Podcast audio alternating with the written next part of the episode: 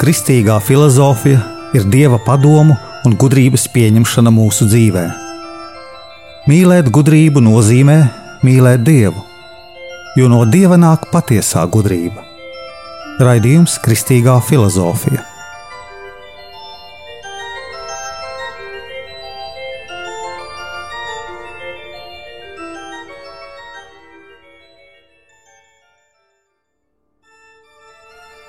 Es esmu Jānis Valtra Vitsenheims, un ar jums ir 36. raidījums Kristīgajā filozofijā.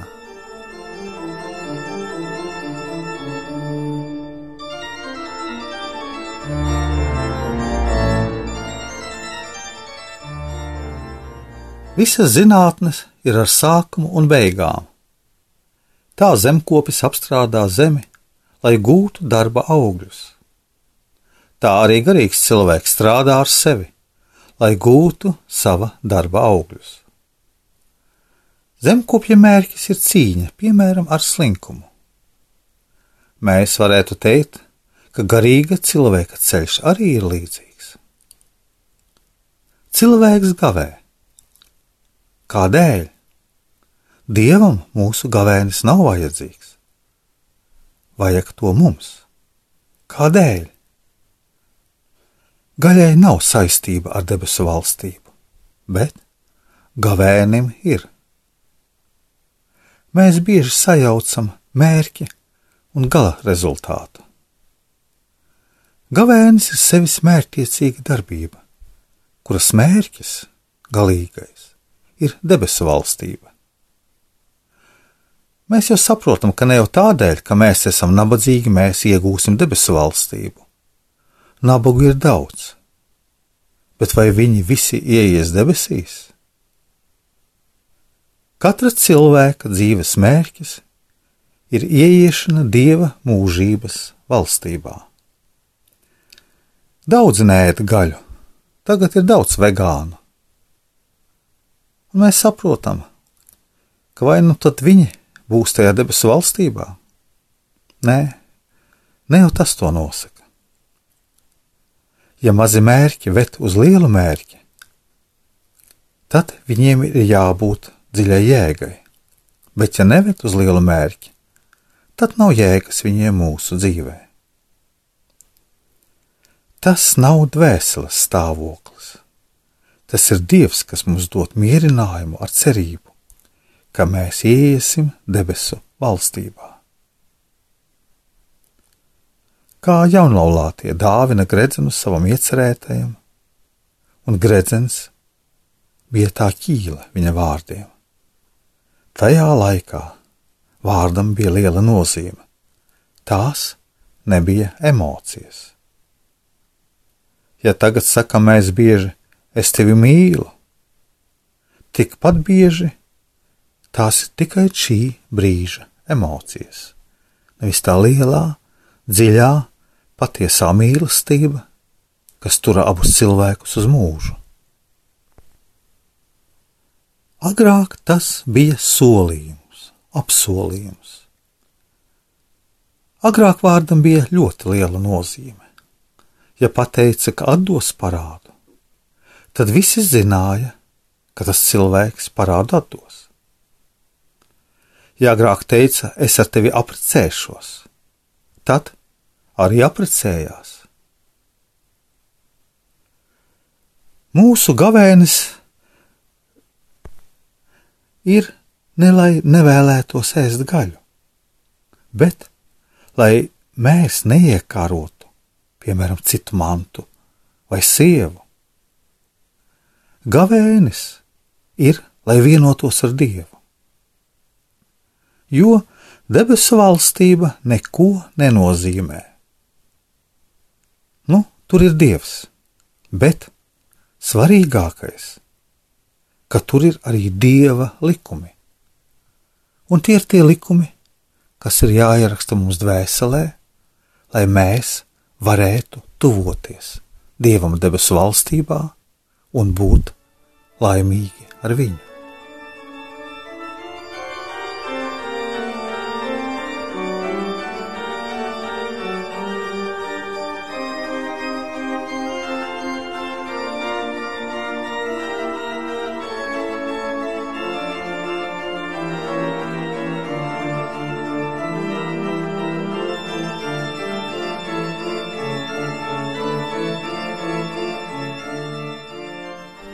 Tā mēs tuvojamies Dievam ar savu gavēni, ar savu rīcību, virzoties netiešā savā darbībā, tuvāk Dievam. Pasaule ir, un šeit iekšā aktuāli un formāli ir teikts, ka Dievs ir ir jādara silogisms, jādomā, jāprāto. Šī mūsu pazīšanas kritiskā problēma nav šī veida problēma.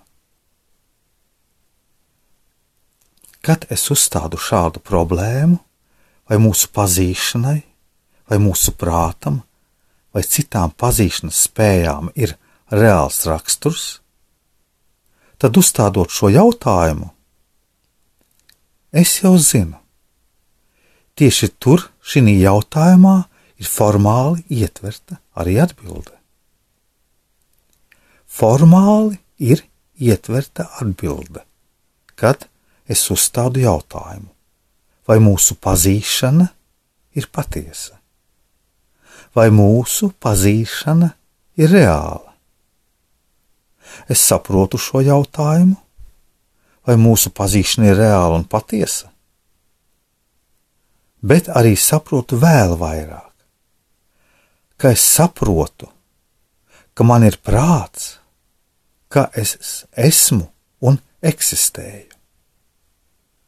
Pietiek uzstādīt šo jautājumu.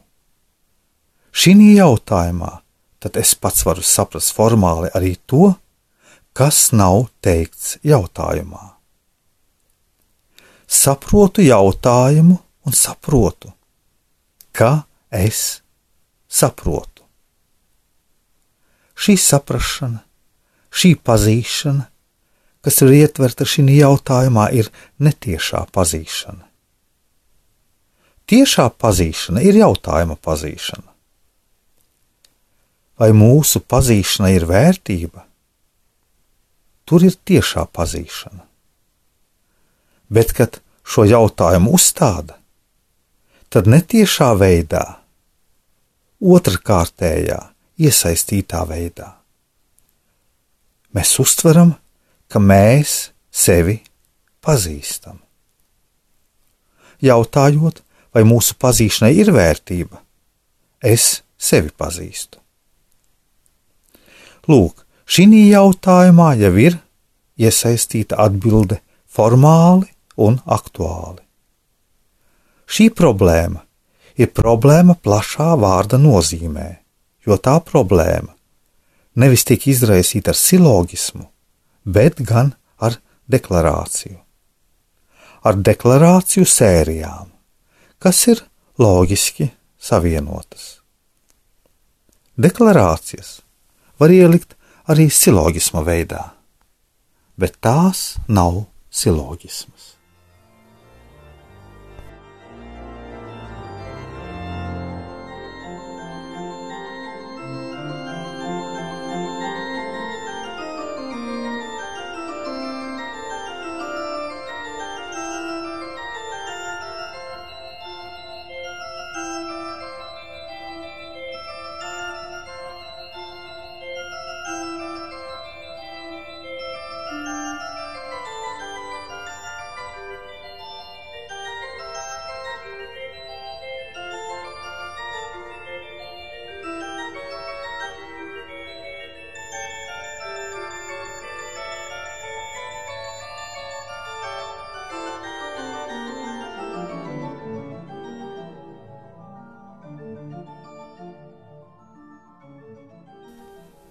Ko nozīmē deklarēt? Deklarēt, izraisīt problēmu fundamentāli vai sākotnēji ar deklarācijām.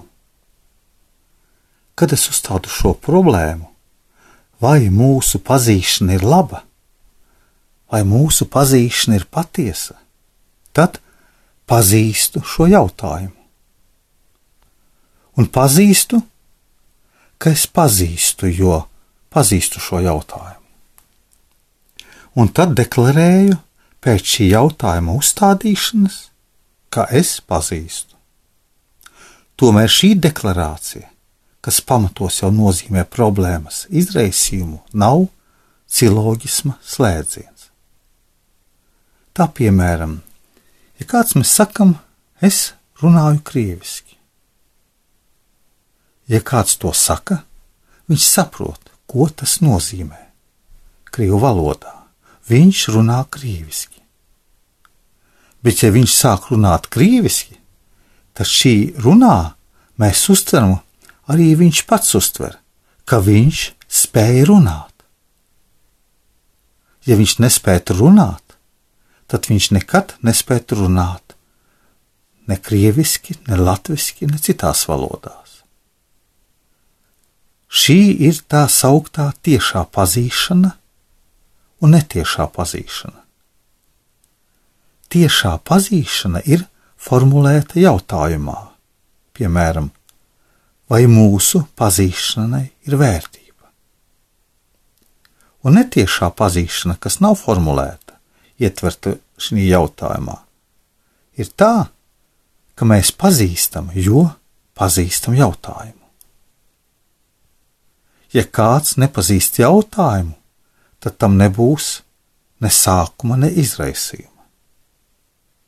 Un tāpēc šis jautājums ir jautājums plašā vārda nozīmē.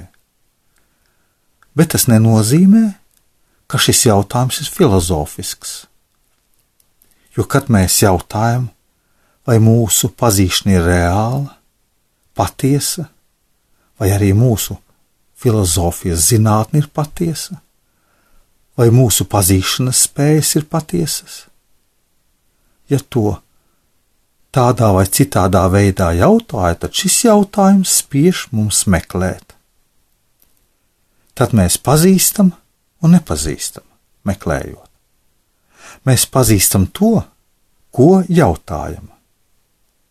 Nu, varētu teikt tā, ja kāds nepazīst pats savu jautājumu, tad viņš nav prātīgs. Viņš nesaprot, ko viņš runā. Prātīgs cilvēks, ja jautā, tad pazīst savu jautājumu. Tad, ja viņš jautā, viņš pazīst un nepazīst.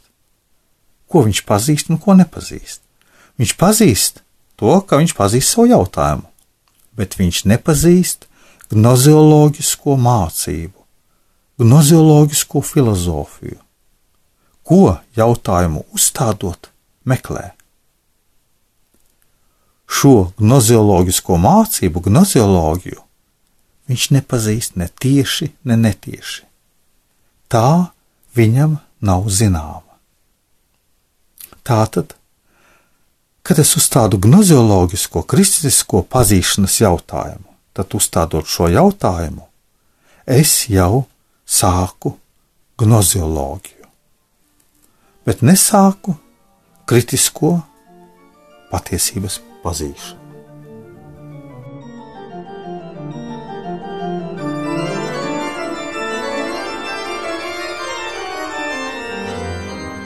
Es esmu Jānis Valtra Vitsenheims. Jūs klausījāties 36. raidījumu filozofijā par to, ka saprotot jautājumu, mēs saprotam, ka saprotam.